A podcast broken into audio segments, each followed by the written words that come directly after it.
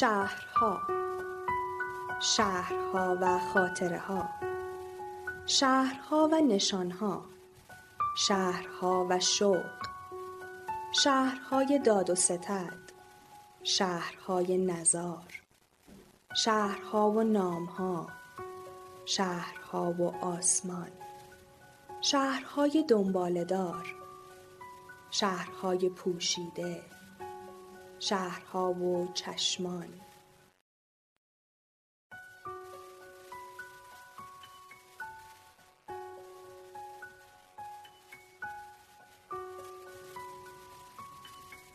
با شما می بینیم و جستجو می کنیم سرنخهای کلاف توسعه را. با ما باشید و بشنوید نشانهای بینشان توسعه را.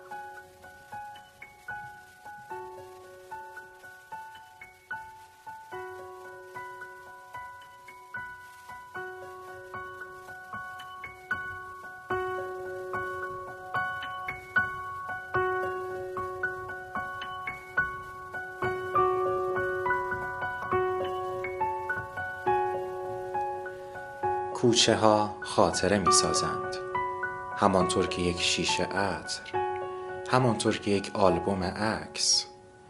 این بار مسافران قاجار رخت سفر بستند تا شهر عاشقان را ببینند.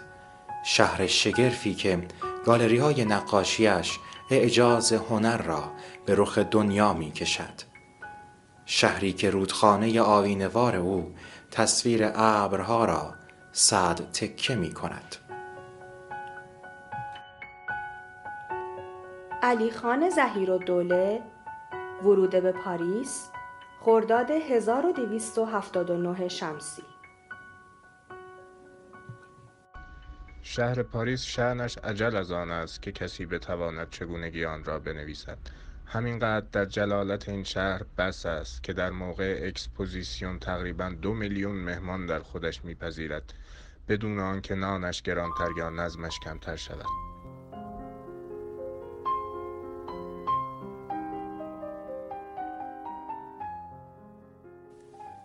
شبهای پاریس تصویری از برج ایفل رقص نور خیابان شانزلیزه. گزارشی از اولین مواجهه مسافران ایرانی با شهری که سهم انکار ناپذیری در مفاهیم تجدد و دنیای مدرن دارد.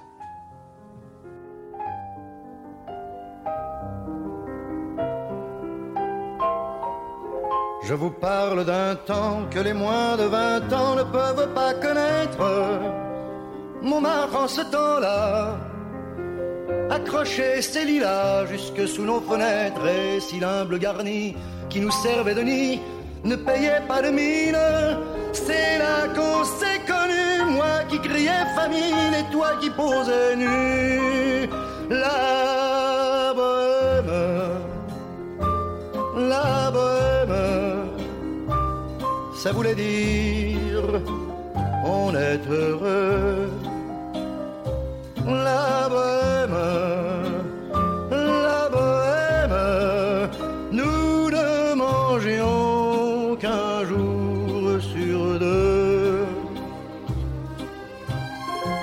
Cafés voisins, nous étions quelques-uns qui attendions la gloire.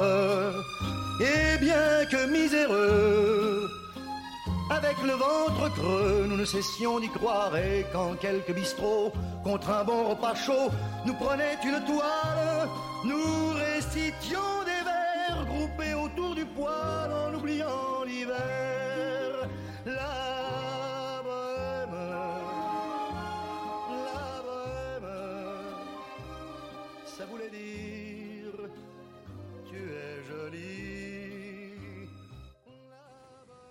مظفرالدین شاه. سفر اول مرداد 1279 سفر دوم شهریور 1281 سفر سوم تیره 1284 چون در خانه جناب رئیس جمهوری مدعو بودیم ساعت پنج بعد از ظهر به گاردن پارتی که اسم مهمانی است رفتیم در امارت الیزه به قدر دو سه هزار نفر جمعیت بود. تئاتری حاضر کرده بودند. رفتیم در جلو نشستیم. خیلی تماشایی و دیدنه بود. یک دفعه پرده بالا رفت و چندان هوره بیرون آمدن. که هر یک از یکی دیگر بهتر بودند. مشغول رقص شدند و بسیار خوب رقصیدند. دو نفر از آنها رقاص های کنترک سیویل بودند که دو سه شب در آنجا دیده شدند. از قراری که شنیدیم حقیل قدم اینها شبی سه هزار فرانک است. در این پنگ پارند و رقص تمام شد.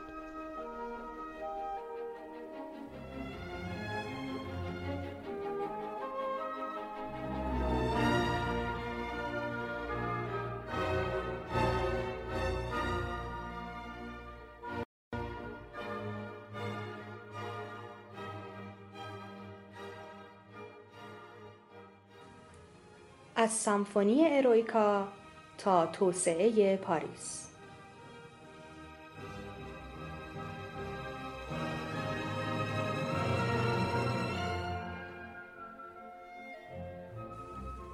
سمفونی شماره سه بتوون ارویکا. به معنای حماسه و نیز به معنای آرزوی ناکام یا تحقق نیافته.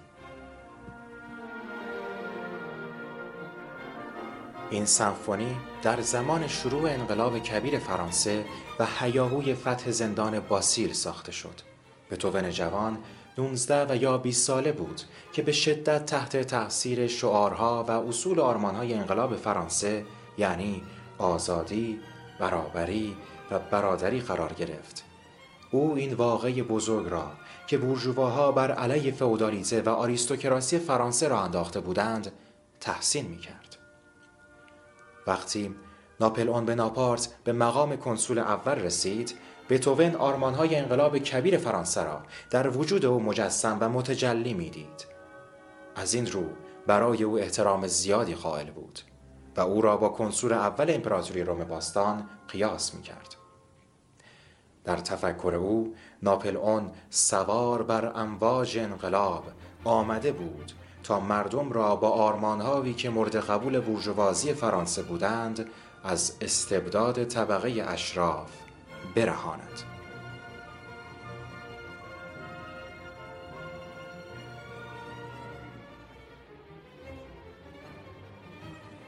هنگامی که ناپل اون در ماه می 1804 خود را امپراتور فرانسه نامید بتوون در اهدای اثر خود به وی دچار تردید جدی شد.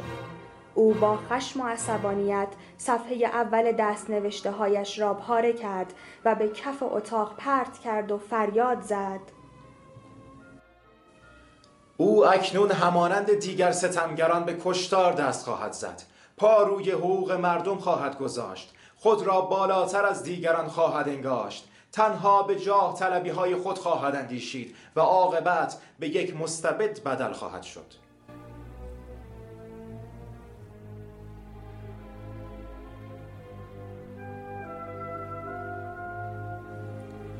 تاریخ جهان دادگاه جهان است. انقلاب فرانسه طلوع با شکوه خورشید.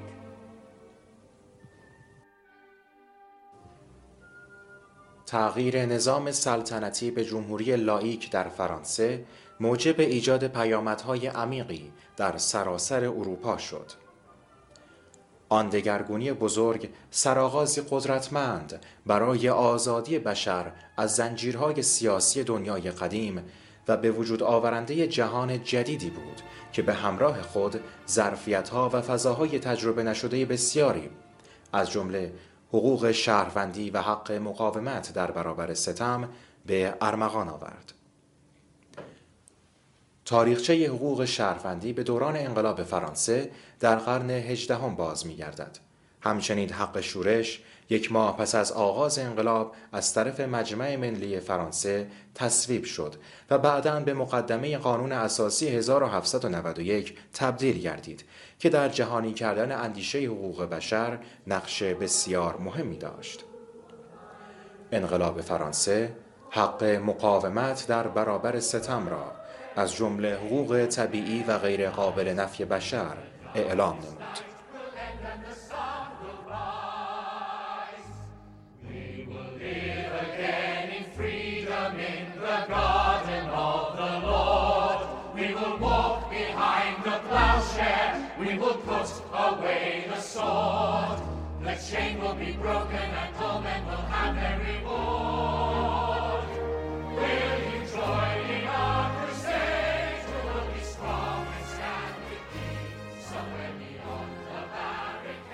این ترانه به سال 1789 میلادی و فرانسه زمان انقلاب اشاره می کند.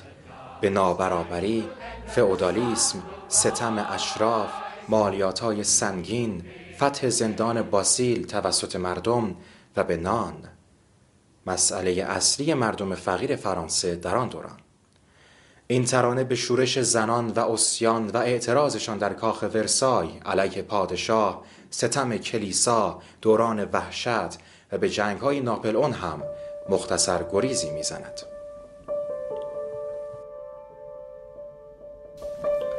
وقتی که راجع به فرانسه صحبت می‌کنیم یکی از معلفه های بارزش بحث حق اعتصاب یا گرو هست که یه جورایی شاید هویت فرانسوی ها در دنیا محسوب بشه. البته به حال در زمان خودش همونطور که اشاره شد حق مترقی و پیشرفته بوده که شناخته شده و زمینه رو برای ابراز اعتراضات باز گذاشته و اینطوری جلوی منفجر شدن جامعه رو در اثر انبوه شدن و متراکم شدن مشکلات گرفته.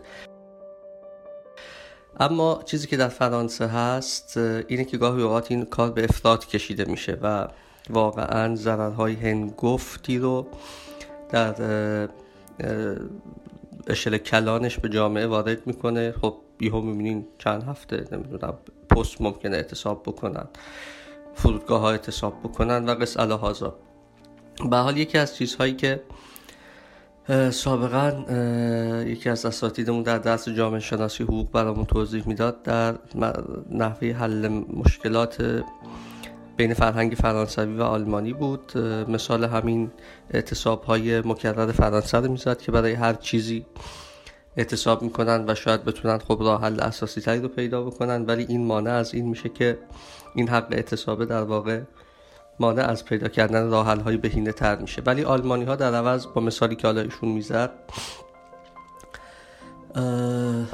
در کارخونه فولکس واگن یک سال به علت کمبود بودجه تصمیم گرفته بودن که تعدادی رو اخراج بکنن. خب به جای اینکه کارگران بیان اعتصاب بکنن اومدن و تصمیم گرفتن که هیچ کس اخراج نشه. ولی اون مبلغی که باید کسری هست از طریق کاهش از حقوق کل پرسنل تأمین بشه و با این نحوه کسی اخراج نشد و بعد از یکی دو سال ظاهرا باز هم بهرهوری شرکت به حدی رسید که تونستن استخدام های مجددی رو هم انجام بدهند.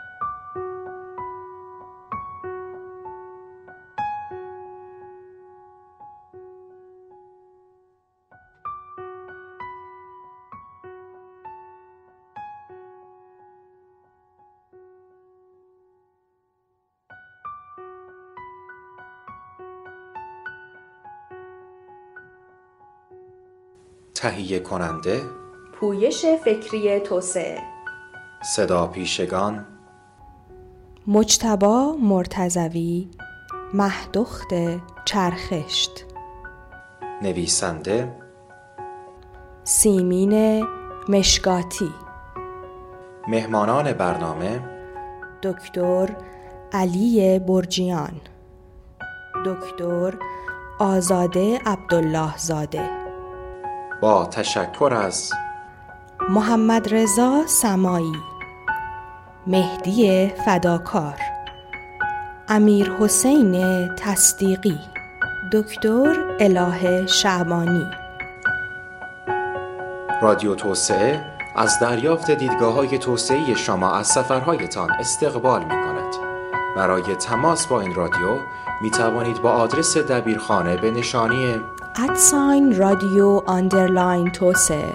مکاتبه کنید.